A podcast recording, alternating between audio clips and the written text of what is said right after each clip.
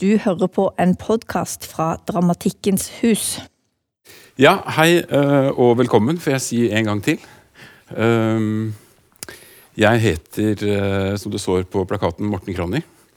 Og så vidt jeg skjønner, så er jeg sist i foredragsserien nå i år. Stemmer ikke det? Ja. ja. Uh, jeg er teaterinstruktør og for tiden også dramaturg her på Dramatikkens hus. Um, det jeg har lagt merke til på disse forelesningene, eller disse foredragskveldene her, er at folk som kommer hit og holder foredrag, de pleier å starte med å spørre er det noe i salen som vet veldig mye om kveldens emne. og det gjør jeg også. Så rekk opp hånden, eller hiv dere på og korriger meg hvis jeg har misforstått. Nei, jeg skal ikke hive dere ut, nei! Tvert imot. Nei, nei, nei. Eh, jeg vet ikke hvorfor det har blitt en sånn kutyme, men jeg har liksom hoppet i stolen hver gang eh, noen har eh, stilt det spørsmålet. Men når så er sagt, da, så er jeg her for å primært snakke om Peter Wessel Zapfe, men jeg gjør jo det i veldig stor grad ut fra mitt ståsted som instruktør, teaterinstruktør. Uh, og uh, jeg vet ikke, noen av, Så noen av dere Twin Peaks i går? Som hadde premiere på HBO. HBO. Um, du sånn, ja. Du ser litt blek ut. er det derfor? ja. Men uh, Nei da, jeg så også den. det var litt rart, fordi at det er 25 år siden uh, den første sesongen av Twin Peaks uh, gikk. Og uh, det er faktisk også da Det faller sammen med at det er ca. 25 år siden jeg selv var veldig opptatt av Peter Westin Zapfe. Og så har det skjedd at, at han for min del har liksom fada litt i bakgrunnen. Altså, Jeg har ikke vært så veldig opptatt av Peter Wessel Zapfe etter at jeg hadde en sånn bombe på han for 25 år siden. Og, øh, men øh, i vinter så øh, ringer det noen her fra Dramatikkens hus og spør om jeg vil holde en, en, et foredrag, og gjerne da om liksom, noen utvalgte emner, hvor da Zapfe var ett av dem. Og da og det som var saken var at rett, altså Da den telefonen kom, da jeg snakket med vedkommende, som hun heter akkurat nå, så, uh, så var det i, på et kritisk tidspunkt i, i tilværelsen. Uh, jeg bodde på hytta mi i Nevlunghavn. Uh, fordi jeg jobbet i Skien, på Teater Ibsen, med en oppsetning, en produksjon jeg hadde skrevet manus til og hadde regi på, om Arnold Juklerød. Og Arnold Juklerød skal jeg komme tilbake til litt seinere. Men hvis ikke det hadde vært for at det var eh, liksom, timer før premieren på Arnold Juklerød. Og hvis ikke det var fordi det var Arnold Juklerød jeg akkurat da holdt på med, så vet jeg ikke om, jeg hadde, om det hadde liksom slått meg at jeg skulle finne på å holde en, et foredrag om Peter Wessel Zapfe 25 år etter at jeg egentlig hadde eh, bombet meg sjøl ned med om det tragiske og alt det andre han eh, skrev. Eh, når jeg nevner dette, så er ikke det egentlig som et forbehold.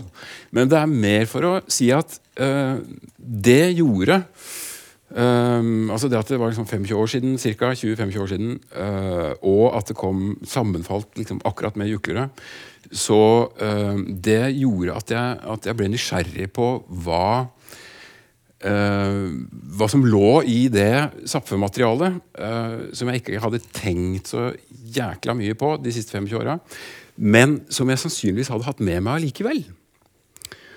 Sånn at For min del så ble liksom, forberedelse til dette foredraget ble en, eh, ble en sånn litt som altså Twin Peaks sesong tre heter The Return. Gjør det ikke det? Jo. Uh, så det var litt sånn re The Return til, til Peter Wessel Saffe i, for min egen del. Koblinga mellom Juklerød og Saffe skal jeg komme tilbake til. jeg skal, mens vi snakker om TV-serier, Twin Peaks, så har jeg lyst til å vite, vise en liten snutt av en TV-serie. Hvis vi får teknologien til å funke sånn cirka tilfredsstillende her Det tror jeg. Ja, skal vi se. Da, er, da var dette her sånn at den skulle over dit. Ja. Ok. Liten snutt herifra. Look, I'd consider myself a realist, all right? But in philosophical terms, I'm what's called a pessimist. Um, okay, what's that mean? means I'm bad at parties. Jepp. Det var da eh, True Detective, hvis noen eh, kjenner den serien. HBO, det også. Um, sesong én, episode én. Um, True Detective eh, anbefaler jeg på det varmeste. Et lite stykke masterpiece i sin sjanger, etter min oppfatning. Uh, det som uh, kom frem her, er en uh, ganske sappfusk replikk på mange måter, men samtidig ikke. Eh, det skal jeg komme tilbake til nå straks, bare jeg får satt på den andre saken her. Et øyeblikk. Skal vi se Da, da skal den dit, ikke sant? Ja. Ok. Uh, hei. Jeg har ikke tenkt å hoppe tilbake. Eh, skal vi se Ja. Jo, eh, som jeg sa i stad, så eh, ble jeg spurt om å gjøre dette her mens jeg holdt på med Arnold Juklerød-forestillingen. Og da slo det meg et spørsmål Jeg liksom stilte meg sjøl spørsmålet ok, hvis jeg skal, hvis jeg skal holde et foredrag om Zapfe, eller snakke om Zapfe, hvorfor skal jeg det? Det må i så fall være for å se på i hvilken grad eller på hvilken måte det Zapfe snakket om, fortsatt har en gyldighet. Det er et par sånne checkboxer som jeg kan krysse av med en gang at det har. Men om det, har noen ny, om det er noen nyervervet anvendelse uh, av det uh, Zapfe kom med, som er til bruk i dag på et eller annet annet vis. Som jeg enten har oversett, eller som jeg per i dag syns er mer aktuelt. Uh, og svaret på det kommer om en liten stund til å være et lite ja. Uh, men uh, jeg skal ikke slippe katta ut av sekken med en gang. Frem til Bortsett fra å si at det jeg skal gjøre, er Jeg skal snakke om Sapfus konsept om det tragiske. Det er kongstanken hans. Og det går en linje i Zapfes materiale fra konseptet hans om det tragiske og til noe jeg i dag syns har en, på en måte revitalisert eh, anvend, anvend, eh, anvendbarhet og viktighet. Og det er linja han selv trekker i veldig, veldig stor grad fra forståelsen av det tragiske til økologi og miljøvern. Men det er en lang vei dit, for så vidt. Uh, det er en, en, tanke om ganske ekstrem økologisk tenkning. Uh, og spørsmålet er hvordan kom Zapfe frem til dette. Uh, når Zapfe snakker om det tragiske, så snakker han om både det tragiske i det virkelige, altså i, i det virkelige liv, men han snakker jo selvfølgelig også om det som, en, uh, som dramatikk og, og teater. Uh, jeg har tenkt å se på, uh, snakke om uh, hvilken innflytelse jeg mener å se at Saffe har, har, hatt på mitt eget arbeid. Med det i alle fall som utgangspunkt. Og hvordan jeg har brukt det og jobbet med det i egne produksjoner. Først og fremst i forbindelse med en produksjon jeg gjorde om Wilhelm Reich. Men også da, som jeg nevnte i sted, om Arnold Juklera. Og om, i en produksjon av Albert Camus' 'Den fremmede' som jeg gjorde på Rogaland Teater for kjempelenge siden. Eh, for å anskueliggjøre Zapfus konsept om det tragiske, så eh, skal jeg lese litt fra eh, en fabel som heter 'Den siste Messias'. Og jeg skal gå gjennom Zapfes analyse av Hamlet. Uh, begge disse er uh, altså, Den siste Messias er en fabel eller et lite essay som er skrevet tidlig på 30-tallet. Uh, eh, om det tragiske kom ut i 1941, og der dukker denne Hamlet-betraktningen opp for første gang. Men Zapfe eh, innlemmer eh, den siste Messias-teksten i Om det tragiske. Fordi den, eh, det lille, den fabelen eh, som, som den siste Messias er, er rosinen i pølsa, vil jeg si. Det er det, om det tragiske, som er hans doktoravhandling på 600 sider, bygger på eh, eh, den siste Messias-teksten. Men underveis så skal vi se litt grann bilder. Eh, Zappe var jo en ivrig fotograf. Eh, han var også en humorist. Eh, veldig eh, Altså kanskje eh, ja, godt kjent for det. Eh, dette er hans eh, forslag til eh, Den perfekte leilighet. Eh, han var jo ivrig turmann og fjellklatrer. Og eh, født i 1899 i Tromsø. Um, er, han skrev flere artikler for uh, Turistforeningens uh, årskrift, uh, årskrift, og, og medlemsblad.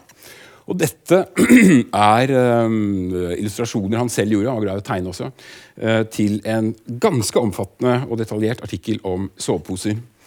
Uh, variasjoner over for lite teppe, for stort teppe, og utopien Zapfe selv hadde opplevd da, av det korrekte teppet, som da kunne realiseres i en sovepose.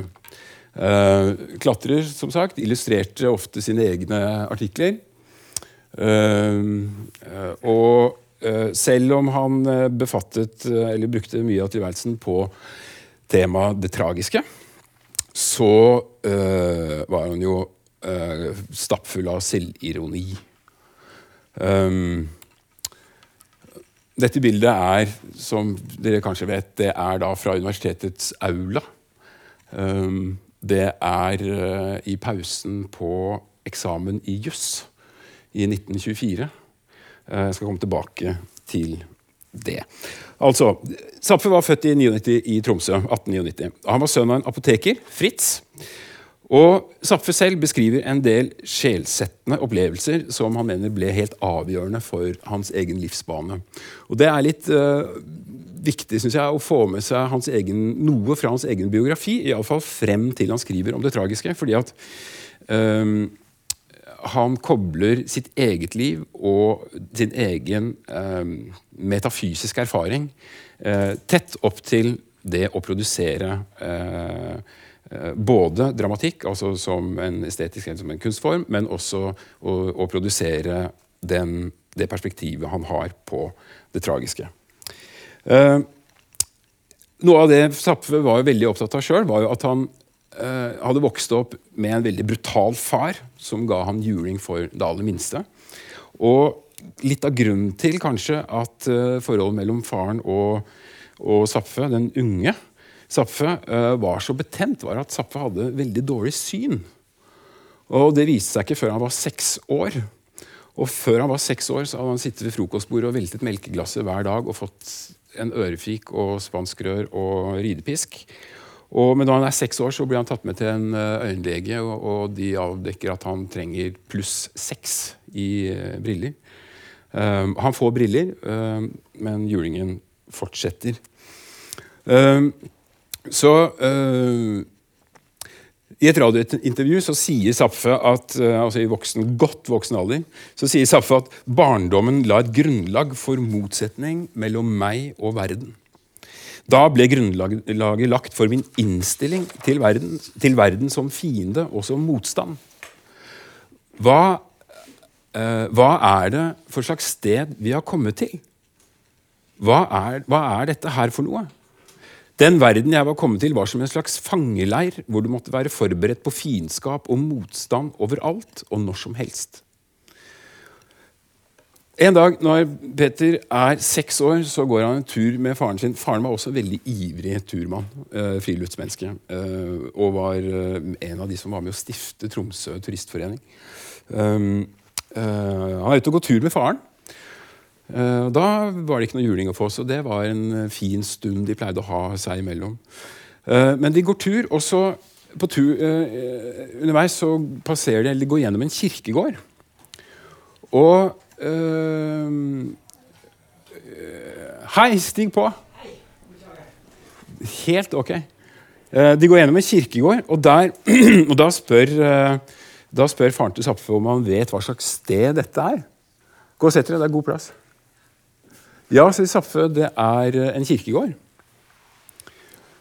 Og så spør faren til Saffe, som var farmasøyt, han spør Saffe vet du hva som skjer når kroppen dør, eller når man dør. Nei, sier unge Saffe, det vet jeg ikke. Uh, og jo, sier faren. Kroppen består av eggehvitestoffer og fett. Og dette spaltes ved gjæring, som i en brøddeig. Og da er Peter seks år. Og akkurat som en brøddeig så sveller kroppen opp av gjæringen eh, etter at vi er døde. Og innvollene, huden og hjernen eser ut før det forvandles til slim. Etter dette, sier Zapfe selv, så klarte han aldri mer å se et smil som et uttrykk for en følelse, eller som han skriver selv seinere. Dette var direkte, destru nei, direkte destruerende virker anatomisk innsikt når den fører til oppløsning av selvfølgeligheter, av kjente og kjære enhetlige inntrykk fra det daglige liv. Den elskedes bedårede smil blir til grinende mekanikk. Illusjon av levende enhet kan ganske visst fremkalles på ny men, den, men, den også, men det kan også være omvendt overfor døde ting. Slik at en opprevet støvel med synlige tær får et fysiognomisk uttrykk av høy mimetisk verdi. Denne illusjonen av organisk enhet er viktig for normaliteten i ens ytre og indre liv. Med denne anskuelsesmåte øh, men det som er Problemet er at denne anskuelsesmåten gjør at verden øh, faller i fisk omkring en. Folk blir til spøkelser og selsomme karikaturer som krysser hverandre, blinde for annet enn sine egne groteske gjøremål som utføres under sosiale grimaser og er uthulet for enhver mening.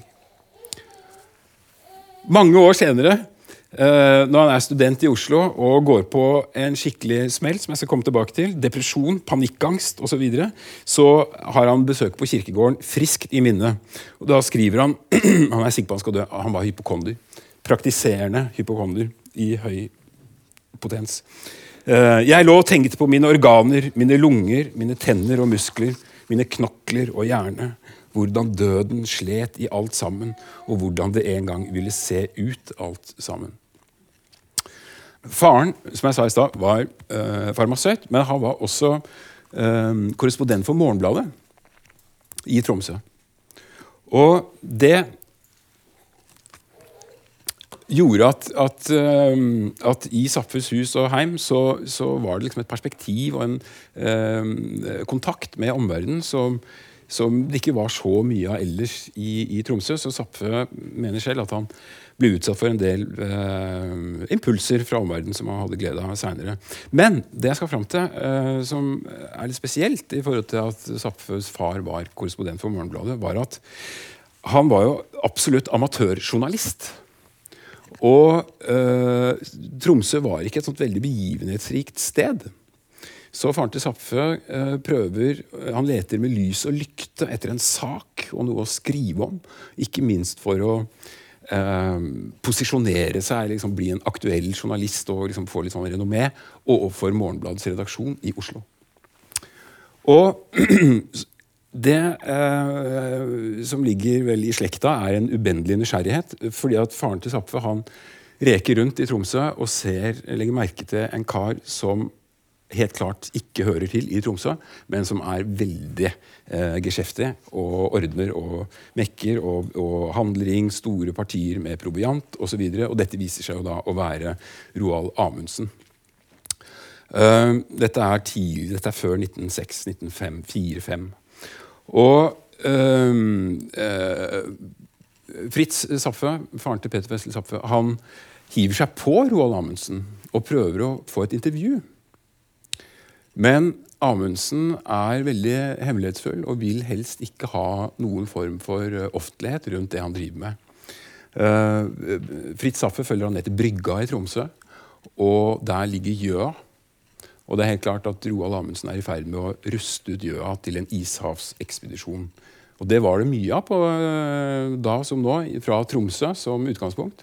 Eh, men akkurat hva Roald Amundsen hadde for planer, det er ikke kjent. Så uh, Fritz Zapfe han presser Roald Amundsen alt hva han kan.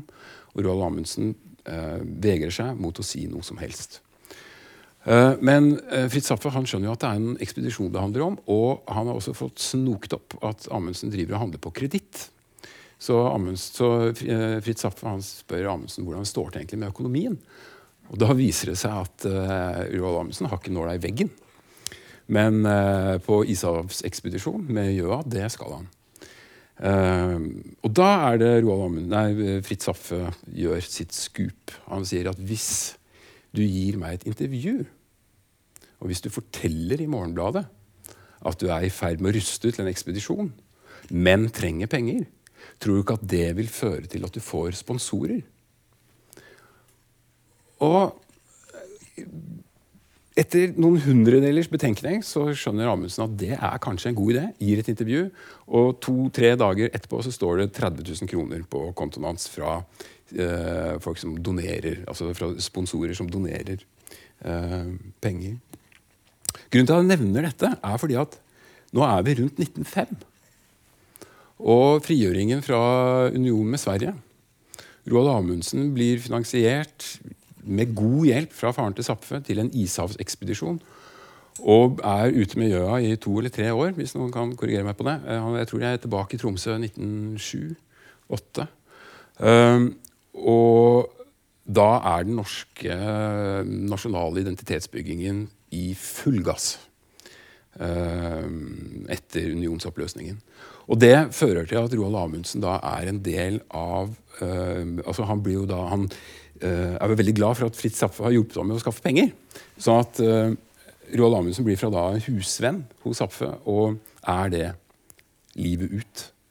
Dette fører til at Zapfe, Peter Wessel Zapfe vokser opp med en nasjonalhelt i huset som forbilde. Og det kombinert med tidsånden, altså nasjonalbygging eh, Det er like før ja, Norge er i en, i en omstillingsprosess som eh, preger Saffe på en måte som jeg skal komme tilbake til. Han eh, gjør seg ferdig med artium eh, og kommer seg til Oslo og øh, begynner å studere juss. Og det gjør han fordi faren har pressa ham til å gjøre det. Han har ikke spesielt lyst. Og dette bildet er ganske betegnende for det. Han, eh, det første han gjør når han kommer til Oslo, er jo å hive seg sammen med studentenes klatreklubb eh, på Kolsås og klatre. Og selv da under eksamen på, uh, i aulaen, altså juseksamen, så uh, pigger han ut på, går ut på trappa for å røyke, som man gjorde på den tiden, og Zapfe fyker opp i søylene. Zapfe forteller selv at når han kom opp sånn cirka litt høyere enn det er nå, så stivnet han fullstendig fordi han i etter egne ord, skjønte at han hadde utfordret veldig mange ting ved sin egen eksistens. Det ene var at han risikerte eksamen da, fordi at han kunne falle ned og få hjernerystelse eller ikke være i stand til å fullføre. Um, han risikerte sin egen helse, han risikerte sin egen fremtid osv. Alt dette her er utfordringer sier Zappe senere, av uh, sitt eget miljø og, og en, en uh, overutrustning, som jeg skal komme tilbake til. Uh, ønske om iallfall å komme seg ut av den situasjonen han er i. Det andre som kan være ganske, som også er ganske sånn kjent, jeg skal ikke fortape meg i det, men, men uh, Zapfe er jo også kjent for å skrive uh, juseksamen sin på vers. Og oppgaven var hva er et prejudikat? Og det hører med at uh, Zapfe hadde veddet med en kompis, en studiekamerat, om de turte å ta sjansen på å besvare hele eksamen på vers. Uh, jeg vet ikke hvordan det gikk med han andre uh, karen, men Zapfe skrev iallfall en deloppgave på vers. Den fikk laud, og han strøyk på alle de andre deloppgavene. Så det kosta han et år til på universitetet.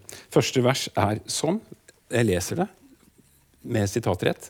Uh, litt for å kjenne på hvordan Zapfe selv rusket i lenkene han kjente seg uh, lenket av. Da. Et prejudikat er en høyesterettsdom. Stort mere man kan ikke sige derom. I Høyesterett er all ære verd. Den er trygg og forstandig i all sin ferd. En dom av Høyesteretts kvalitet, den skulle ha virkning til evighet. Og da var jo saken grei. men nei, så enkel er den dessverre ei. Selv assessorer er Selv assessorer Det er jumper litt i verste foten der. Selv assessorer er mennesker kun. Men, men, men, men med menneskers tanke og med menneskers munn. Og ordet rare humanum est, det passer på dem som på mennesker flest. Og 20 vers til. Laud. Stryk på resten. Ett år til. Ok, Så drar han tilbake til Tromsø. Jeg skal gå litt fortere frem i biografien her. Uh, men det er et par, uh, par momenter som, som, skal med. Han kommer seg tilbake til Tromsø og praktiserer som jurist. men det er noe ugler i mosen. Han er ikke fornøyd. Det, han finner stadig på utflukter og andre ting å gjøre enn å, å være um, jurist på sorenskriverkontoret. Og eh, i 27 så dør søsteren hans i tuberkulose.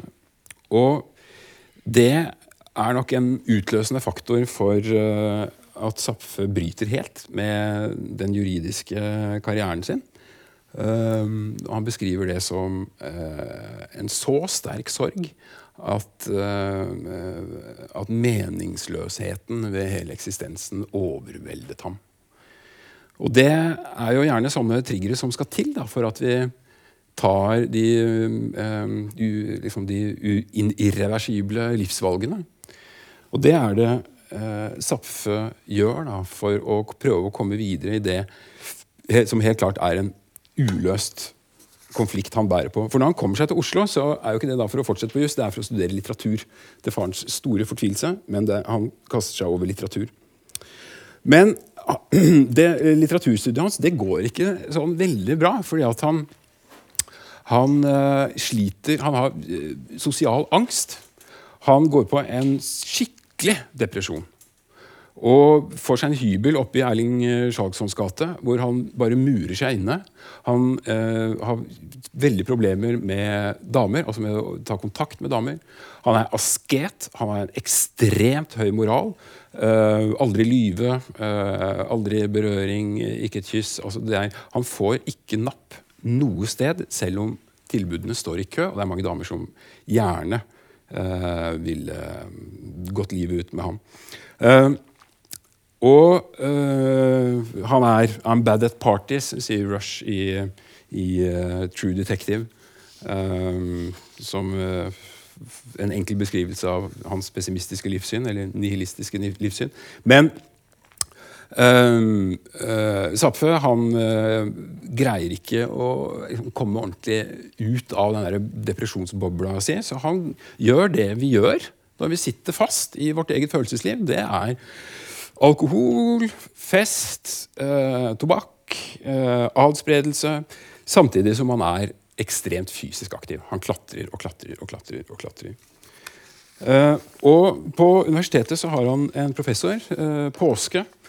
Eh, og han ligger så langt etter med, med, studiene at han en dag må, må gå til påske og, og tilstå og fortelle hvordan han har det. Og uh, med angst og depresjon og svartsyn og sånn. Og professor Påske beroliger ham og sier at det, det du beskriver der, sier Påske, det har jeg selv opplevd i veldig stor grad. Og ikke bare jeg, sier han, sier professor Påske. Det er de fleste andre forfattere og altså, Psykiske, følelsesmessige problemer er helt vanlig. Er, du er helt normal, Zapfe. Gå hjem. Um, og idet Zapfe skal gå, så uh, trekker, uh, går professor Polske i skuffen og trekker fram noen tekster som Zapfe faktisk har levert. Og det er ikke uh, oppgavebesvarelser på litteraturstudiet, det er dikt. Og eh, Påske trekker fram et dikt som jeg skal lese. Um, det går sånn. Sakte, sakte suser i luftens sale sitrende strofer, fylder med hviskende tale i tidrommets favn. Spindelvevlette verdenshavtunge fjerner, sprenger i dragsug menneskesjeler og stjerner. Intet har form eller navn. Se, jeg er stille. Se, jeg er rom og susning. Se, jeg er aften efter en brennende dag. Jeg er i alt, og alt er i meg. Og i mitt hjerte følger i døende rytmers tidenes åndedrag. Det viser seg at påske er veldig begeistret for det diktet, som er i eldre versestil, kan man si. Uh, uten å gå i detalj på det. Men pointet er at uh, Påske spør av Zapfe om det han egentlig sliter med, og det han egentlig aldri kommer ut med, er lysten til å bli forfatter. Og uh, det svarer Zapfe nei til. Det har han ikke. Uh, selv om han fortsetter og, gjennom livet og, og, blir forfatter ved siden av å ha en filosofisk virksomhet. Eller iallfall skrive et stort filosofisk verk. Um, og, men han går hjem og gjør noe annet. Um, det skal jeg komme straks tilbake til. Uh, det som nå skjer med Zapfe, og vi er nå tidlig på 30-tallet, det er at det er helt klart at det er en livsnær sammenheng mellom det tragiske forholdet, slik som det fremstilles i drama, og slik det er i den menneskelige tilværelse. Og det er det Saffe erfarer. Det tragiske er ikke først og fremst en estetisk kategori, sier Saffe selv, men en kategori som under visse betingelser hefter ved selve den menneskelige eksistensform.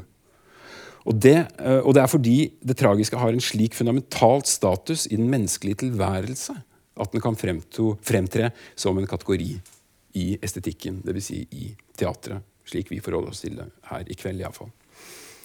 Eh, jeg skal ikke gå noe mer inn på biografi og ekteskap, men til tross for problemer med damer på 30-tallet, så gifter han seg to ganger.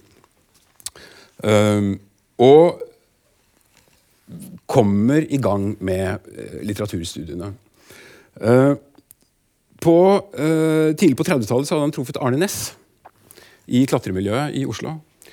Og, men Næss drar til Østerrike for å studere filosofi. Kommer tilbake i 37-38 eh, og blir da Norges første professor i filosofi på eh, universitetet i en alder av 25 år, 27 år. Eh, I 1939. Da er Zapfe i gang med sin magisteravhandling i litteratur. Og den skal hete Om det tragiske. Zapfes gode venn Jeg hadde tenkt vi skulle se litt uh, bilder eller fotografier som Zapfe selv har tatt. Ja, skal vi se. Uh, ikke for, ta, ikke for å liksom, snakke om Zapfe som en eminent fotograf, men for å se hva han så. Og han var veldig glad i uh, å fotografere skyer. Så jeg kjører noen skybilder bak oss her nå. Uh, Lite grann, iallfall. Uh, Saffes gode venn uh, professor Påske han sier til Saffe når han kommer med skissene til magisteravhandlingen i litteratur, at dette er ikke en magisteravhandling i litteratur. Du burde heller vurdere om ikke dette her bør leveres inn som en doktoravhandling i filosofi.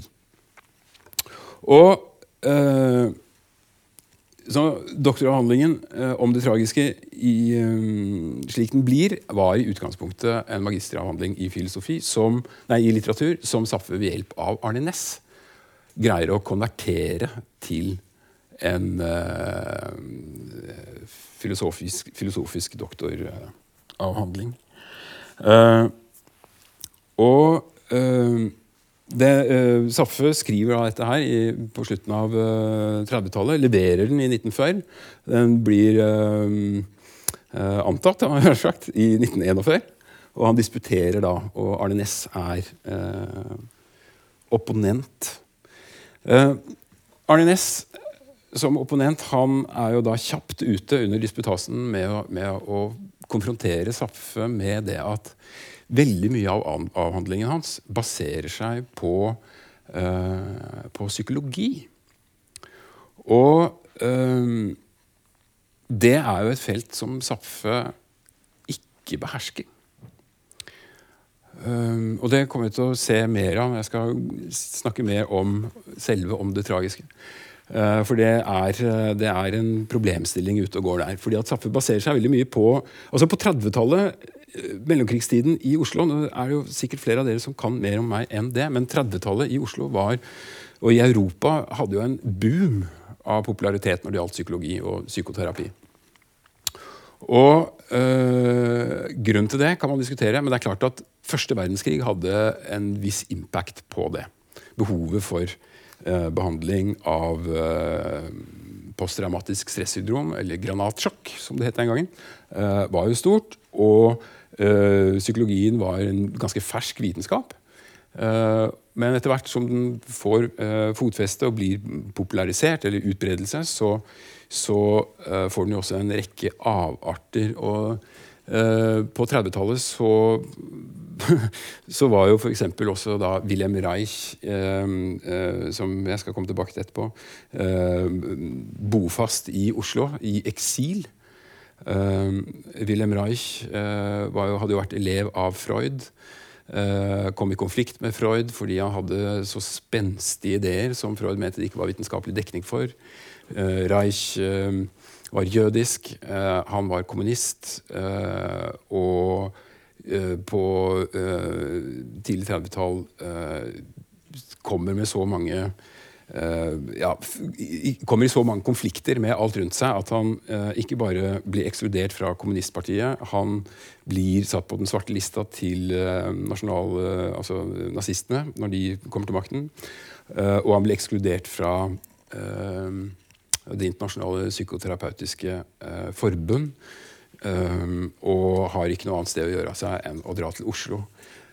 Um, jeg har aldri greid, i hvert fall ikke etter at jeg holdt på med, etter at jeg i fjor gjorde en produksjon om William Reich, jeg har ikke greid å fri meg fra den situasjonen, eller det hypotetiske bildet jeg har av, av at Wilhelm Reich bor i Drammensveien 110, og Peter Wessel Saffe bor i Erling Skjalgsons gate. Og det er 1, 2, 3, 4 kvartaler unna, hvis du går kjapt gjennom Hydroparken.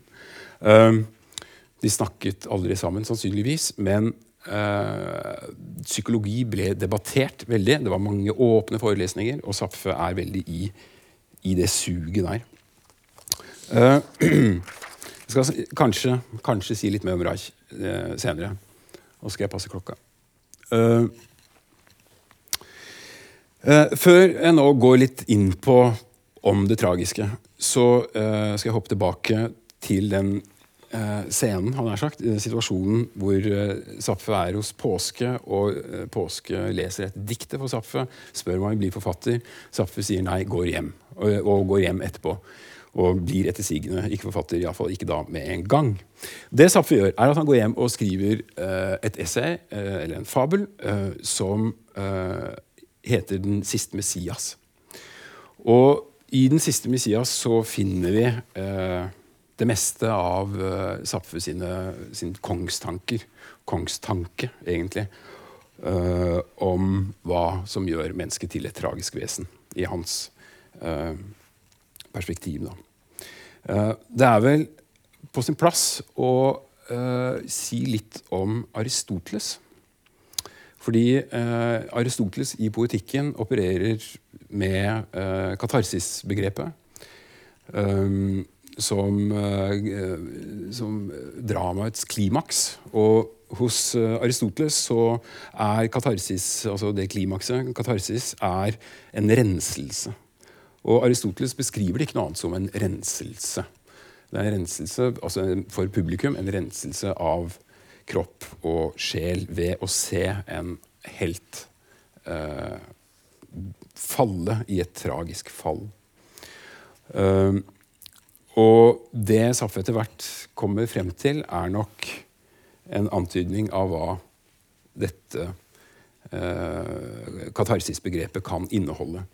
Og det han, begynner han med i Den siste Messias. Jeg skal lese litt fra Den siste Messias, hadde jeg tenkt. Eh, ikke så veldig mye, men litt for å vise dere, eller, eller demonstrere, litt av Zapfes stil. Fordi at uh, doktoravhandlingen uh, om det tragiske er på 600 sider. Og veldig mye av de 600 sidene er eksempler på teorien hans. Eksempler på eksempler på eksempler. I fabelform hvor han oversetter eh, teoriene sine, på, uh, hypotesene sine, perspektivene sine, til eksempler gjennom små eventyr eller snutter um, som skal illustrere hva han mener. Og Derfor skal jeg lese litt fra den siste Messias. Den begynner sånn. En natt i lengst forsvundne tider våknet mennesket og så seg selv. Han så at han var naken under kosmos, hjemløs i sitt eget legeme. Allting oppløste seg for hans prøvende tanke. Under over under, redsel over redsel sprang ut i hans sinn. Da våknet også kvinnen og sa at det var på tide å gå ut og slå noe i hjel. Og han grep sin bue, denne frukten av åndens og håndens formeling, og gikk ut under stjernene. Men da dyrene kom til sine vannhull, hvor han ventet dem av gammel vane, da kjente han ikke lenger tigerspranget i sitt blod, men en stor salme om lidelsens brorskap mellom alt som lever. Den dagen kom han ikke hjem med bytte, og da de fant ham ved neste måneny, satt han død ved vannhullet fortsatt. Hva var det som hadde skjedd? Et brudd på selve livsenheten. Et biologisk paradoks. En uhyrlighet, en absurditet av katastrofal natur. Livet hadde skutt over målet og sprengt seg selv. En art, menneske altså, en art var blitt væpnet for sterk. For ånden gjorde den ikke bare allmektig utad, den var like farlig for sin egen velferd. Dens våpen var som et sverd uten grep og plate, en tveoddet klinge som kløver alt. Men den som vil bruke det, må gripe om eggen og vende den ene odd mot seg selv. Han kommer til naturen som en ubuden gjest, og forgjeves rekker han sine armer ut og bønnfaller om å bli gjenforenet med det som har skapt ham. Men naturen svarer ikke mer. Den gjorde et under med mennesket, men siden kjente han den ham ikke. Han har mistet sin hjemstamsrett i universet. Han har spist av kunnskapens tre og er utstøtt av paradiset. Han er mektig i den nære verden, men han forbanner sin makt, for han har kjøpt den for sin sjels harmoni, sin uskyldstilstand, sin borgerfred i livets fang. Så står han da der med sine syner forrådt av altet, i undring og angst. Lidelsen er hos dyret begrenset til seg selv. Men for mennesket slår den hull inn til verdensangsten og livsfortvilelsen. Alt fra barnets ferd på livets elv står dødens fossedur høy over dalen, alltid nærmere og gnager, gnager på dets glede. Mennesket ser ut over jorden, og den ånder som en stor lunge. Ånder den ut, da stimer det yndig liv fra alle porer og strekker armene mot solen, men ånder den inn, da går der et bristningens stønn gjennom vrimmelen, og likene pisker i marken som byger av hagl. Ikke bare sin egen dag så han, men kirkegårdene vrengte seg for hans blikk, og sunkne årtuseners jammer hylte imot ham fra de gresslig forfalne skikkelser, mødrenes jordvordne drømme. Fremtidens forheng revnet og viste ham et mareritt av endeløse gjentagelser. Et sanseløst søl med organisk stoff. Menneskemilliardenes lidelser holdt inntog, inntog i ham gjennom medlidenhetens port, og fra alt som skjer, kom hånlatteren over rettferdighetskravet. Fra alt nei, hans rettferdighetskravet, hans dypest ordnede prinsipp. Snart ser han mekanikken endog i det som før var han helt og kjært, i sin elskedes smil. Det er også andre smil, en revnet støvel med, med tær. Og til sist er tingenes, bare, tingenes, egenskaper bare egenskaper ved han selv. Ingen, intet eksisterer uten han selv. Alle linjer vender tilbake til han selv. Verden er bare et spøkelsesaktig ekko av hans egen stemme. Han springer opp med høye skrik, han kjenner vanviddet komme og vil søke døden før han mister evnen endog til det. Men som han står overfor døden som det umiddelbart neste, da fatter han også dødens vesen og det kosmiske velde i det skritt han er i ferd med å gjøre. Hans skapende fantasi bygger nye fryktelige muligheter bak dødens teppe, og han skjønner at det ikke er tilflukt selv hos dem. Fra det øyeblikket av befinner han seg i en tilstand av kosmisk panikk. Og en slik kosmisk panikkfølelse er fundamental i ethvert menneskesinn.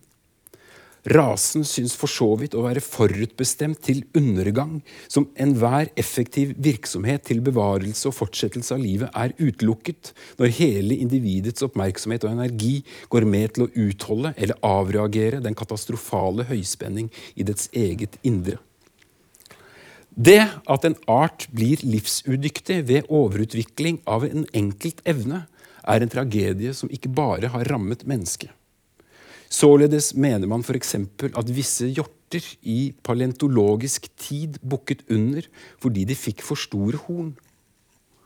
Under depressive tilstander kan sinnet oppleves, eh, eh, oppleves i bildet av et slikt gevir som i all sin fantastiske prakt knuger sin bærer til jorden.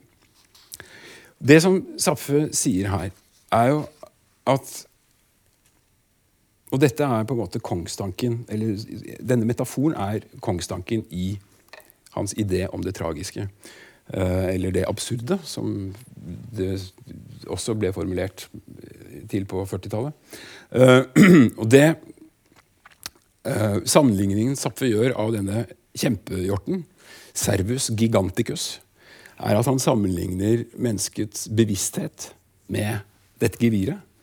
Og at denne bevisstheten, dette geviret, med tiden blir så stort fordi altså Hos hjorten så fikk den, hjorten fikk stadig større næringsgrunnlag uh, rundt seg fordi den var uovertruffen på jaktmarken. Den greide å skjerme seg mot uh, ulv og bjørn og andre ville dyr som ville den til livs. Og derfor så vokste geviret. Geviret fortsatte å vokse pga. stadig mer mat. Og dermed så vokste til slutt geviret så tungt at hjorten ikke hadde fysikk lenger til å bære det. Og hjorten som art ble tvunget i bakken av vekten av hornene sine, og arten døde ut. I Zapfes sammenheng så Han sammenligner vår bevissthet, menneskeslektens bevissthet, med det geviret. Og sier at uh, vår tanke og vår bevissthet er en overutrustning i forhold til vårt miljø. Til det vi egentlig trenger. Og eh, hva består denne overutrustningen i? Jo, den består i det vi har, til forskjell fra dyrene, som jeg straks skal komme tilbake til. Eh, det består i denne bevisstheten som vi har fått av naturen. Som naturvesener har vi fått bevisstheten, og gjennom bevisstheten har vi fått tanke, naturligvis, men vi har også fått språket. Og fordi vi har fått språket, eller gjennom språket, så mener Saffe at vi kan at nettopp derfor, språk, i språkets egenskaper, så ligger muligheten til å formulere setningen 'Hvor er mening?' Og fordi vi har fått tanken, bevisstheten, språket av naturen, og vi igjen med naturens midler stiller spørsmålet, eller kravet, 'Hvor er mening?' så forventer vi at naturen skal svare, hvilket den da ikke gjør i samfunnssammenheng. Og der oppstår dette øyeblikket som Saffe kaller kosmisk panikk, som da er en metafysisk innsikt eller erkjennelse av det andre parallelle med Saffe kalte det det absurde. Men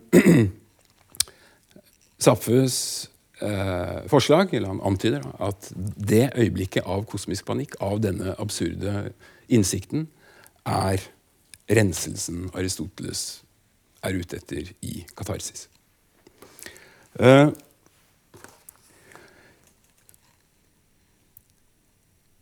jeg skal si litt om selve verket, det tragiske. fordi at det, det Saffe da går videre med å gjøre Nei, jeg skal avslutte eventyret om uh, den siste Messias.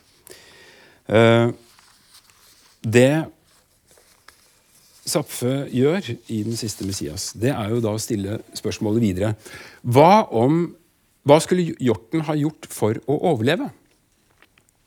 Ikke bukke under pga. vekten av geviret sitt. Jo, den kunne ha brukket av de ytterste gevir, eh, taggene på geviret. Slik at det hele tiden holdt seg innenfor en, et format og en vekt som hjorten greide å bære. Men, sier Zapfe, da ville ikke da hjorten forrådt sin sentrale idé som hjort? Jo, det ville den gjort. Men, mener Zapfe da. Men, sier Zapfe videre, vi som mennesker, vi gjør det. Vi reduserer gjennom en del virkemidler eh, helt bevisst vår eh, bevissthetstilstand. Og der er det Saffe begynner på det som blir det tragiske altså doktoravhandlingen sin, hvor han deler eh, begynner å kategorisere hvordan vi reduserer vår bevissthetstilstand. Og eh, eh, det første han, eh, han har da fire eh, strategier for eh, bevissthetsreduksjon. Han sier at de løses ved isolasjon, ved forankring, distraksjon og sublimasjon. Isolasjon er da å isolere den problemstillingen. Forankringen er å gå opp i, eller tilhøre et sted geografisk, men også det å tilhøre en sak eller en bevegelse eller et firma eller noe eh, som gir deg en forankring på et eller annet vis, og du finner mening i det, og det flytter fokuset ditt fra kosmisk panikk til eh, forankringspunktet. Distraksjon sier bortimot seg selv. Uh, sier veldig mye om det i om det tragiske. Han opererer med en bråte fantastisk flotte subkategorier for alt dette. Jeg skal ikke gå så veldig inn på det nå. Uh, og det siste uh, teknikken Zapfe trekker frem, er sublimasjon. og da er vi inne på psykologi med en gang. Uh, Zapfe skriver i den siste Messias at jeg for eksempel, jeg trenger ikke Eller jeg bedriver i det øyeblikket jeg skriver denne artikkelen, sublimasjon fordi jeg sitter og skriver denne artikkelen og skal komme i tidsskrift. Uh, uh, ja. Han avslutter den siste Messias for å med hovedpersonen i eventyret, den siste Messias.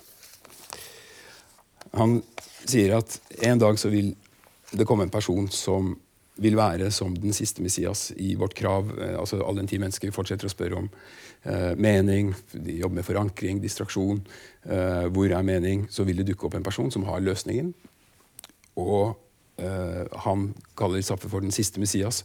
Og skriver Zapfe hans den siste Messias, selsomme budskap når han kommer, da, lyder Kjenn eder selv, vær ufruktbare og la jorden bli stille efter eder. Han er den siste Messias, sønn efter far, stammer han fra bueskytteren ved vannhullet. Og Det Zapfe sier her, er jo la jorden ligge øde etter eder. Altså menneskeheten bør opphøre å eksistere. Og hvordan han kommer frem til det, og hva han egentlig mener med det, eh, skal jeg komme frem til nå. Ganske snart. Når Zapfe begynner på om det tragiske, så sier han først at det er at uh, prosjektet hans er å uh, kaste lys over det eneste fornødne og evig bærende problem. Hva betyr det å være menneske? Uh, han tar grunnideene fra den siste Messias og viderefører det i vitenskapelig metode og bevisføring. I forordet så skriver han Eh, når det kontemplative mennesket har nådd frem til den innsikt at livsmysteriet er amoralsk, da fordamper ærefrykten, og han kan i all sin fysiske avmakt gripe mysteriet i nakken og riste det som en vått. Menneskeslekten kommer fra intet, går til intet, og utover dette er der intet. Hver gang jeg leser det, så tenker jeg på diktet til Jan Erik Vold, som omtrent er nesten det samme, bare veldig forskjellig. Hvor Jan Erik Vold skriver eh, vi kom, vi, Det var ingenting, det blir ingenting men innimellom myldrer det. Så hva er det tragiske? Safus superkorte formulering av det tragiske er Det objektivt tragiske er ødeleggelse av et individs prinsipielle kampmulighet. Det objektivt tragiske har karakteren av et forløp hvor et individ rammes av en katastrofe som følge av storhet i evne og interesseutfoldelse. Og For å undersøke dette, som han da gjør i Om det tragiske, så sorterer han eh, dette ned til menneskets interessefronter, til deres kategorier eh, for utrustning, til kategorier for miljø, og ikke minst til katastrofer. Uh, først så uh, Menneskets interessefronter uh, utvikler han Og hensikten med å sortere dette materialet i interessefronter mener Zapfe er å skaffe seg oversikt over den utvidelse av interessekrets og miljø som møter oss med overgangen fra dyr til menneske. Og han skiller de fire interessefronter. Det er den biologiske, sosiale, autoteliske og metafysiske interessefront. Den biologiske eh, interessefronten har, eh, er veldig sånn, likhet med dyrene. Altså spise, sove, formere oss, finne et varmt sted å sove om natta. Eh, men det er først eh, på det sosiale, autoteliske og særlig det metafysiske felt hvor forskjellene over til det eh, biologiske eh, interessefronten kommer til syne. I sosial interessefront så sier Zapfe særegent er det at vi oppfatter våre medmennesker i fortid og nåtid og fremtid gjennom ett, en enkel forestilling. Gjennom menneskeheten. Den sosiale omverdenen gjør seg gjeldende gjennom kryssende og kompliserte krefter som kan være nøytrale eller innvirke på subjektet til subjektets gunst eller ugunst.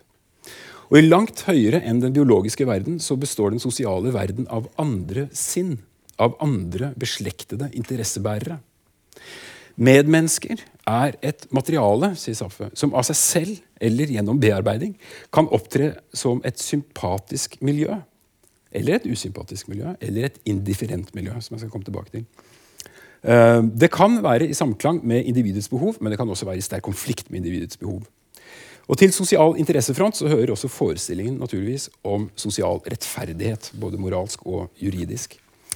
Den autoteliske interessefront er en aktivitet som er et mål i seg selv. Det er f.eks. snakker for seg selv, det er forskning for oppdagergledens skyld. Det er idrett og sport som ikke tar sikte på biologisk hygiene, i å styrke fysikken. Det er utfordring av farer, eller utfordring av farer for å få sin dyktighet prøvet. Det er aktivitet hvor livsutfoldelsen er uttømt og avsluttet i og med sin eksistens. Det er gledes, gledestilstander som har verdi i seg selv. Og så kommer da det som er på en måte bærebjelken i det, og det er den metafysiske interessefronten. Uh, dyrets engasjementer er knyttet til enkelte øyeblikk eller til kortere tidsavsnitt. Mennesket har en definert tidshorisont pga. sin død og pga. sin overutrustning, altså geviret, og behovet for mening. Og Det er her problemene, dvs. Si tragedien, oppstår. Han eh, tar også miljøet og deler i tre. Eh, som jeg var inne på i sted, altså i sympatisk, indifferent og fiendtlig miljø. Og I miljø så mener han da i aller videste betydning, eh, fra nære ting og til kosmos. I alle tre miljøtyper kan individet oppnå tilfredsstillelse hvis evnene strekker til. Neste eh, kategori, neste bjelke han bygger opp her, er da utrustning, som vi var inne på i, i den siste Messias. hos mennesket kan kan da mennesket være tilstrekkelig utrustet, underutrustet eller overutrustet i forhold til sitt miljø. Når evnen og oppgave dekker hverandre, så søker objektet en evne, en, et, en evne hos individet og finner den. Ved underutrustning så strekker ikke evnen til, og ved overutrustning så er det omvendt. At evnen søker etter et adekvat objekt, men ikke finner det det tragiske fenomen. Hvis Zapfe begynner med, siden dette er et vitenskapelig prosjekt, begynner med å redusere, stille spørsmålet eh, hvor kan det tragiske fenomen ikke forekomme? Det tragiske fenomen kan ikke forekomme, mener Zapfe, hvis evnen er tilstrekkelig og miljøet er sympatisk. Er det da hvis evnen er utilstrekkelig? Underutrustet i et hvilket som helst miljø. Det at man bukker under i et miljø, betyr det at man har en tragisk skjebne. Det skulle man kanskje tro. Men hos det underutrustede individ er det relativt lite som kan gå under. Tragikk, mener Saffe, krever storhet i evneutfoldelse. Ved overutrustning så kan individet bukke under pga. sine evner, ikke pga. miljøets krav. Det siste kategorien hans er eh, katastrofer. Og Med katastrofer sier Saffe, så forstås, forstås en kvalifisert ulykke. En omveltning der et interessekompleks blir tilintetgjort eller voldelig ombyttet med et annet. Eh, hva skal til da for at noe skal kunne kalles tragisk? Det må være innafor rammen av, av, kvalifiserte katastrofer. Hva kjennetegner da en kvalifisert katastrofe? En katastrofes kvalifiserende omstendigheter ligger i angrepsverdien av katastrofen. Det ligger i den angripende kraft, og det ligger i foranledningen. Angrepsverdien det er da uopprettelige katastrofer, i motsetning til opprettelige uhell eller ulykker. Den angripende kraft det handler om da noe som kommer fra noe som er tillagt verdi. F.eks. et menneske som man har gjort, gjort godt, som dolker deg i ryggen. Og foranledningen i angripsverdien er øh, også i spill her. Og Det er særlig da én sterk foranledning Zapfe mener er rosinen i pølsa, og det er det han kaller for den dobbeltvirkende impuls. Altså, I Zapfes formulering så er det noe som skaper interesse, men som samtidig skader den samme interesse. Og Enklere sagt så er det man vil det beste og setter sin innsats inn på det, men det motsatte er resultatet. Det går så galt, så galt. Det tragiske forløpet blir til på den måten at mennesket søker å realisere en representativ livsform med representative midler, men oppnår samtidig et vendepunkt, en krise, dvs. Si en katastrofe, som bryter hans livstro ned. Det tragiske har karakteren av et forløp hvor et individ rammes av en katastrofe som følge av storhet i evne- og interesseutfoldelse. Og sånn sett med det i bakhuet så blir Hamlet eh, for Zapfe en slags true detective som gjennom eh, sin skjebne, dvs. Si Hamlet, altså stykkets handling, etterforsker livets metafysiske mysterium. Eh, for Zapfe er Hamlet personifiseringen av menneskets skjebne. Og Zapfe kaller Hamlet for alle tiders tragiske mesterverk. Så hva er så det tragiske i Hamlet-skikkelsen? Saffe skiller da mellom ytre og indre tragikk. Altså Ytre sett så dør Hamlet i en fektekamp helt på slutten av stykket. Men det er på det indre plan Saffe mener at Hamlet-skikkelsen får tragisk tyngde. Altså på Hamlets indre plan. Og Spørsmålet Saffe stiller er hva er den dypereliggende grunn til Hamlets handlingslammelse? Hvorfor fullbyrder, fullbyrder han ikke hevden som er pålagt ham av faren, uh, gjenferdet, og som skjer helt i starten av stykket på Skanseverket. Spøkelset viser seg og sier 'Min bror har drept meg. Gå ut og hevn meg. Ta riket tilbake'. Det oppdraget får Hamlet i scene to, er det vel? Første akt. Uh, uh, og uh, Grunnen til at Hamlet nøler i fem akter, mener Sapfø, det er at det ligger i Hamlets overskudd av metafysisk bevissthet. At Hamlet har et totalkrav om mening med tilværelsen. Og I dette så ligger Hamlets livsproblem. Hamlets kamp gjelder ikke først og fremst å ta hevn, men, å tilfredsstille sitt eget metafysiske meningsbehov. Hamlets ytre død blir da bare en bekreftelse på den for lengst inntrufne indre død. Og På den måten så blir Hamlet for Zapfe selve symbolet på hva det vil si å være menneske. Fordi Hamlet driver dette absolutte meningskrav til det ytterste. Det vesentlig tragiske aspektet ved Hamlet er Hamlets avsløring av at alle alternative handlings... Uh, altså andre løsninger Hamlet kan se for seg, for seg er surrogatløsninger. Og Zapfe mener siden det til slutt selvfølgelig skal komme til at Zapfe valgte å ikke få barn og legge jorden øde etter seg og gå foran som et godt eksempel. Eh, og Hamlet finner spor for eh, dekning for dette i Hamlet eh, ved å si at han mener å finne i Hamlet at Hamlet sier nei til livet, ikke bare for seg selv, men for menneskeheten som sådan. Intet mindre. Så hvem er Hamlet, spør eh, naturligvis. og Det gjør vi jo alle når vi skal sette opp Hamlet, eller spille Hamlet. Hvordan skal vi tolke Hamlets gjerninger? Er han dikteren selv, altså Shakespeare? Er han en humanistisk revolusjonær? Er han verdensfrelser eller døgenikt? Er han genial filosof og grubler eller en manisk, melankolsk psykopat? Er han seer og profet, eller er han offer for Ødipus-komplekset? Og ikke minst, hva er meningen med stykket som helhet? Hvorfor nøler Hamlet med å iverksette oppgaven, hevnen, som er pålagt ham av hans døde far? Hvorfor spiller han gal? Er han oppriktig i sine selvbekjennelser, som det er ganske mye av i Hamlet? Og de andre karakterene, er de oppriktige? Når er de oppriktige? Når er de det ikke? Og elsker Hamlet Ofelia? Og hvorfor oppgir han Ofelia? Hamlets ulykke, mener Zapfe å finne, strekker seg over alle de fire interessefrontene Zapfe går gjennom i Om det tragiske, og som er nødvendige for at det tragiske fenomen skal oppstå. Hamlets fire interessefronter er av biologisk, sosial, autotelisk og metafysisk natur. Og gjennom, det, gjennom en analyse av det, eller gjennom et, en betraktning av det, så kan, man, kan vi skille mellom Hamlets indre og ytre ødeleggelse.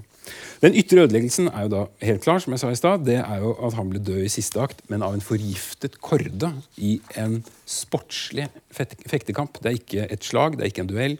Det er en, avtalt, en avtalt fektekamp. Men, sier Zapfe, Hamlet, Hamlets død er bare en katastrofe hvis den står i skarpeste strid med heltens biologiske interesse. Og hva er den? Det er vilje til liv i Zapfes univers. Og Spørsmålet er videre når Hamlet rammes av den forgiftede korden, er han da en livstrett mann? Har han lenge ønsket seg døden og ville gjerne forlatt denne verden om ikke selvmord var forbudt av den allmektige, som han sier selv, og angsten for de hinsidige holdt han fra å begå selvmord? Hamlet gir oss gjentatte ganger bevis gjennom stykket på at han har en helt usvikelig selvoppholdelsesdrift. Men i siste akt, eh, fektescenen der, i slagscenen, har jeg sagt, massakren til slutt Hvorfor går Hamlet inn i en fektekamp som han skjønner må være fikset? Og ikke, hvis, han, ikke minst hvis han vinner mot Laertes, som han skal fekte mot, vil han ikke da bli drept allikevel? Uansett. Saffe mener at det virker som Hamlet ikke gidder å gardere seg lenger. Og spørsmålet er da, Hadde han ikke lenger noe å leve for? Svaret på disse spørsmålene sier Zapfe, avhenger om Hamlets død er en katastrofe eller ikke. Hvis vi går litt tilbake fra fektekampen, så er det en scene hvor Claudius og hans medsammensvorne planlegger mordet på Hamlet gjennom denne, som skal da skje i denne fektekampen. Og Hamlet sier, eh, og da I denne scenen hvor Hamlet ikke er til stede, så sier kongen, Claudius, He, being remiss, most generous and free from all contriving, will not peruse the foils. Det Claudius baserer seg på, er den siste rest av Hamlets tillit til at hans motstandere, eller kongen og hans medsammensvorne, eh, fortsatt har en redelighet. At de er redelige overfor Hamlet. Eh, altså Hamlet har tillit til dem, og det er det som gjør at Hamlet går i fella, men med åpne øyne i siste scene. Og Saffe mener å se og synes personlig legger til at det er et eller annet rørende over Hamlet. At han har noe av dyret ved seg i, i alt han foretar seg. En, en, slags biologisk uskyld som Saffe er veldig begeistret for. Nå har vi sett på det skybildet en stund, så skal vi skifte skybildet. Sånn. skal vi se. Mm. Um. Den ytre døden i Hamlet forsegler bare Hamlets indre død. Og det er i Hamlets indre død at den egentlige katastrofen skjer mener ham, eh, Zapfe. Så hvordan skjer Hamlets indre død, ifølge Sapfe? Eh, Hamlet har eh, høye etiske idealer, det vet vi. Han er glad i diktning, i teater, i musikk, i studier og i idrett. Han Rosenkrantz og Gyldenstjern kommer på besøk, og han har uh, Horatio uh, ved sin side hele veien. Uh, og det viser også at han holder vennskap hellig. Og i tillegg så elsker han Ofelia. Sannsynligvis. Så Zapfe er opptatt av at Hamlets tendenser det Hamlet viser oss, det går mot en rik og positiv livsutfoldelse i sunnhet og godhet. Men samtidig, i annen akt i Hamlet, så sier Hamlet til Roskrans Ylenstjern Jeg har i den senere tid, uten å vite hvorfor, mistet all min munterhet og oppgitt alle mine vanlige idretter. Sant å si er mitt sinn blitt så tungt at denne prektige bygning, jorden, står for meg som en øde klippe. Og luften, denne praktfulle baldakin, dette stolte firmament som hvelver seg over oss. Og for meg er det bare pestbefengte dunster. For et mesterverk mennesket er. Så opphøyet i sin fornuft, så ubegrenset i sine evner, så lik i Gud og tankekraft. Verdens pryd alle skapningers forbilde. Og allikevel, sier Hamlet, hva er denne kvintessens av støv for meg? Og I dette sammenbruddet av mening hos Hamlet, så mener Hamlet å se Hamlets egen, så mener Sapfe å se Hamlets egentlige katastrofe i stykket. Altså meningssammenbrudd. Og Sapfe spør videre hvorfor går det som det går da med Hamlet? Er det i miljøet rundt Hamlet, eller er det i Hamlets egne, egne egenskaper som karakter? Eller er det i samspillet, i vekselvirkningen? Og er Hamlets indre katastrofe en naturlig, eller to the point, adekvat følge av disse årsakene? Det vi vet, er jo at, og det vi ser veldig, helt fra starten, det er jo at Hamlet ikke noen gang greier å slippe sorgen over faren sin. Uh, og han blir ikke ferdig med å hudflette uh, hoffet og folk rundt seg. Uh, og vankelmodigheten som han er opptatt av. Og det er nok sant, det Hamlet sier, at han lider helt reelt under denne tilstanden. Han sier 'gi dette altfor faste kjød var flyktig og lot seg smelte, løse opp i dugg'. Gid selvmord ikke hadde vært forbudt av den allmektige. Min Gud, min Gud, hvor alt er flatt og meningsløs i denne usle verden. Og Når vi første gang møter Hamlet, så skiller han seg veldig ut fra resten av hoffet ved at det er noe tilbaketrukket over sorgen hans, mener Zapfe å se. Fordi det er en enkel stemning, dvs. Si en enkelt tankegruppe, som har makten over ham. For Og her kommer da Zapfes juridiske si, bevisføring. I sentrum av historien om Hamlet så står gjenferdets avsløring av drapet, altså at kongen, gjenferdet, har blitt drept, og kravet om hevnen. Og, sier Zapfe, ved å bruke helt i starten, slå an stykket med et gjenferd som et bud fra den hinsidige verden, så mener Zapfe at Shakespeare har sagt at Hamlet ikke hører jorden til. At hans bevissthet og interessekrets er noe mer enn sitt eget liv, elskov og krav. Zapfe mener å se at Hamlet lytter mot sitt kosmiske utspring, og at han lever i undring over dette ufattelige, at han er menneske, og ser at han er menneske. Zapfe mener at gjenferdets oppfordring til hevn har den funksjonen at det kaster lys over Hamlets personlighet setter den på prøve, og har den også funksjon å drive Hamlets skjebne frem til indre og ytre modning.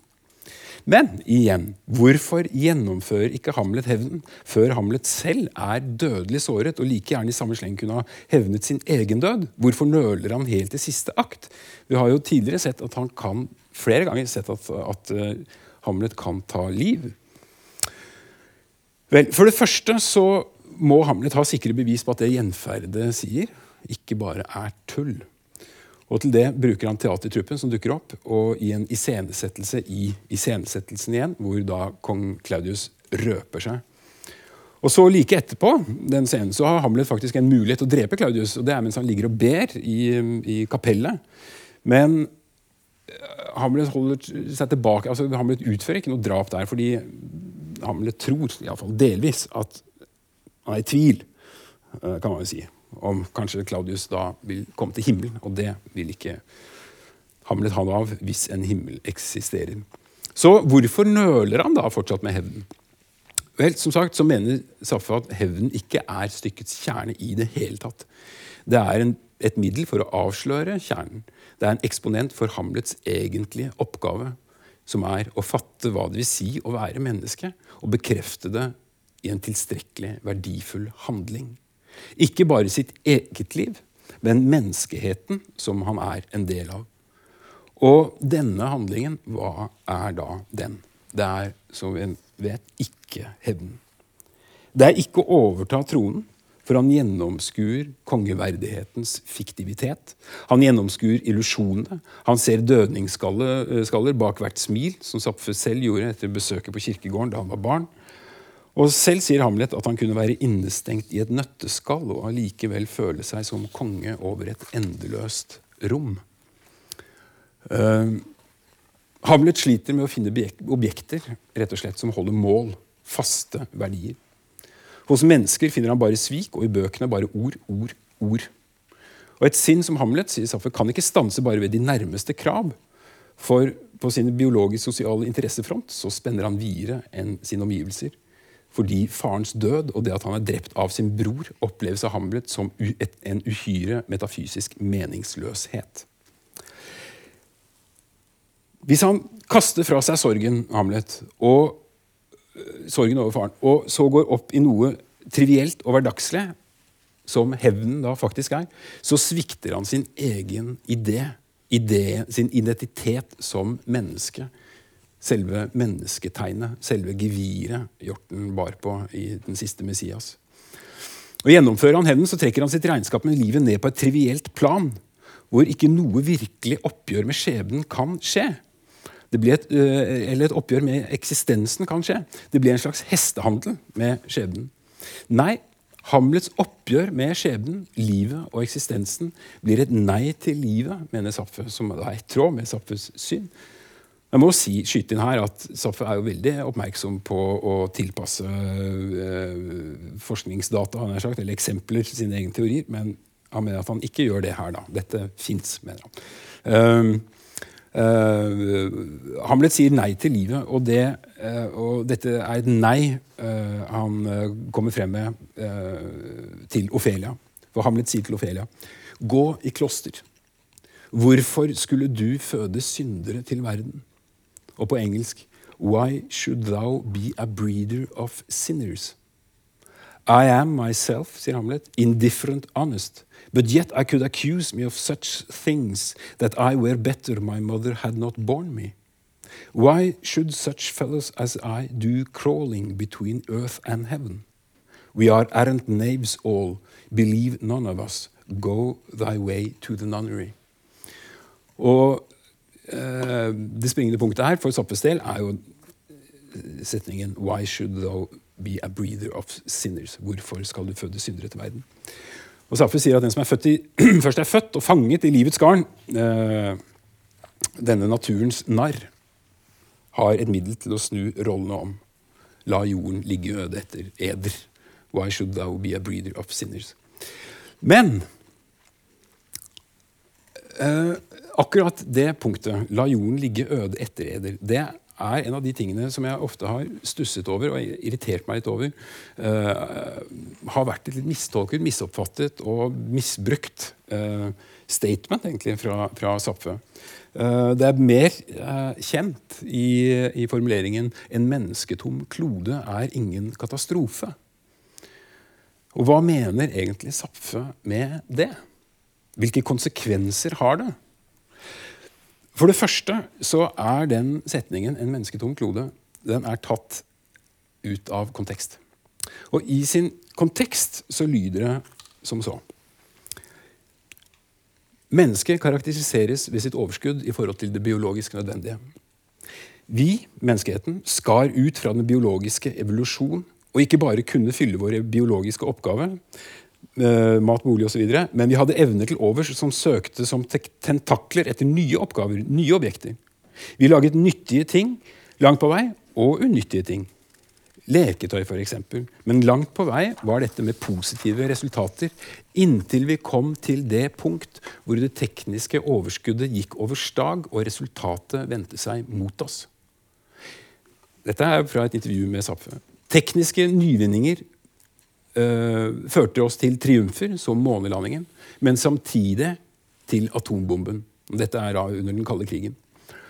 Og dette er et eksempel på, på, det Zapfe tidligere har kalt den dobbeltvirkende impuls. Altså en handling i beste mening som fører til eh, noe bortimot Altså til selvutslettelse. Mennesket eh, ja, dette, eh, det, dette, i seg selv mener Zapfe, er en tragisk prosess. Og Trusselen om selvforskyldt tilintetgjørelse ville ikke ha skjedd uten dette overskuddet, vi, eller hvis vi hadde vært oss dette overskuddet geviret vært oss det bevisst. Og Safus prosjekt er jo da selvfølgelig å bevisstgjøre oss gjennom katarsis. Og dette mener han også skjer da i det antikke dramaet, i nyere drama hos Ibsen osv. er da det tragiske og eh, momentet av katarsis. Eh, videre sier han menneskeslekten er en, er, en tragisk slekt fordi vår overutrustning viser seg til å føre til vår undergang. Vår klode er en holme i verdensrommet, sier han. Og vi, med vårt overskudd, vi overbelaster vår bruk av denne kloden. Dette er utfoldelse av overskudd og evner på miljøets bekostning. Vi forbruker det biologiske grunnlaget for vår eksistens. Vi må skjønne hvor dette ender. Det vil føre til undergang. Hvorfor opprettholde en undergangsslekt, spør Zapfe. Vi må avvikle i tide før det blir 100 ganger verre. Og da må vi diskutere forplantningsspørsmålet. Er det en selvfølge å føde barn? Why should thou be a breeder of sinners? Det er Saffes personlige løsning. Og det er en løsning han fremsetter, og jeg vil ikke si han insisterer på det, men han selv gjennomførte ikke å føde barn. Som teaterinstruktør så er jeg alltid skeptisk til hva en karakter sier om seg selv. Um, og uh, når Zapfe sier at dette var et personlig valg, så hører jeg hva han sier, men jeg er ikke sikker. Uh, når så er sagt, så vil jeg bare si for min egen del at jeg stiller meg da ikke bak denne løsningen. Ikke føde barn. Uh, I jeg prøver å finne ut når det var, men det er kanskje 15, kanskje det er 20 år siden. Så satte jeg opp 'Den fremmede' av Albert Camus. Uh, og om det tragiske av Zapfe var ferdig i uh, 1941. Og uh, Et klatrebilde er på tiden nå. I 1941, og i 1942 så kommer Albert Camus ut med to tunge verk i eksistensialistisk eh, litteraturhistorie og, og filosofi. Eh, det ene er eh, myten om Sisyfos, og det er eh, Den fremmede. Og eh, eh, Dette handler jo da om det absurde i, i tilværelsen, ganske parallelt med det Saffe behandler, men med et annet utfall. Og dette utfallet interesserer meg mye mer. Og jeg merker jeg, når jeg nå har sett på dette igjen etter 20 år, eller noe sånt, så er det ut fra den praksisen jeg i vel så stor grad har, har uh, praktisert selv. Uh, uh, men allikevel må jeg si at, at systemet, eller den, den metoden og den, det, den strukturen Zapfe strekker opp i, i om det tragiske, er en Eh, et, for min del en verktøykasse. Uh, endeløs verktøykasse. Men skal vi se Camus. Myten om Sisyfos Camus går, er sånn, går rett på sak. Han døde ganske ikke så mange år etterpå. 15 år etterpå. Uh, men når han skriver Sisyfos, så begynner, begynner han sånn. Det finnes bare ett virkelig alvorlig filosofisk problem, sier Camus. Det er selvmordet. Det er å avgjøre om livet er verd eller ikke verd å leve. Det er å svare på filosofiens fundamentale spørsmål. De fleste mennesker lever sitt hverdagsliv uten å tenke så nøye gjennom det, men så plutselig en dag hender det at kulissene styrter sammen, og et hvorfor dukker opp.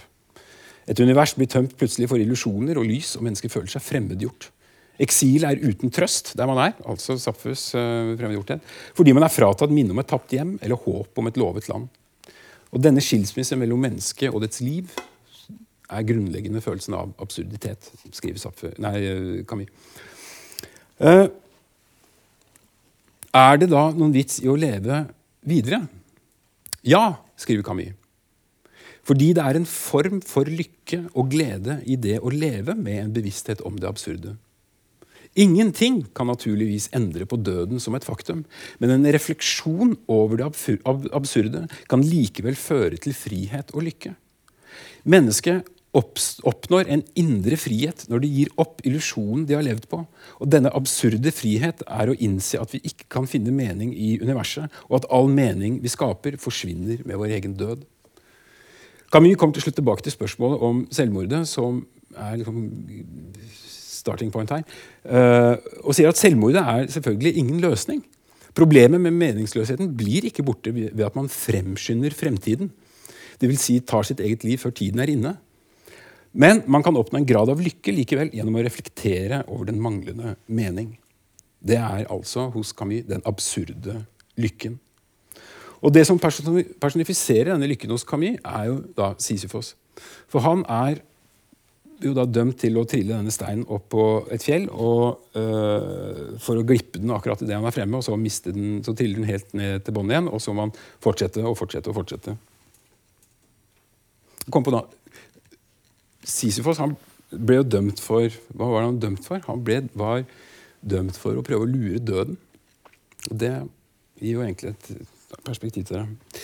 Uh, Camus skriver, at, uh, skriver om, uh, om nedstigningen sier hvis nedstigningen noen gang for Sisyfos må gjøres i sorg, så kan den også foregå i glede. Når vi endelig har innsett livets meningsløshet og blitt bevisst det absurde, kan vi oppnå en slags seier over det. Og myten om Sisyfos slutter med følgende setning.: Man må anta, sier Camus, at Sisyfos var lykkelig. Og For meg er dette en langt bedre konsekvens av forståelsen av det tragiske og det absurde. Og I tillegg så er det en forening på et vis av det dionysiske og det apollinske. Uh, som vi kan finne igjen i mange sammenhenger. Men det tror jeg kanskje jeg skal betakke meg fra nå. Takk for meg. Vil du høre flere foredrag? Se våre nettsider og kom til Dramatikkens hus annenhver tirsdag klokken 19.30.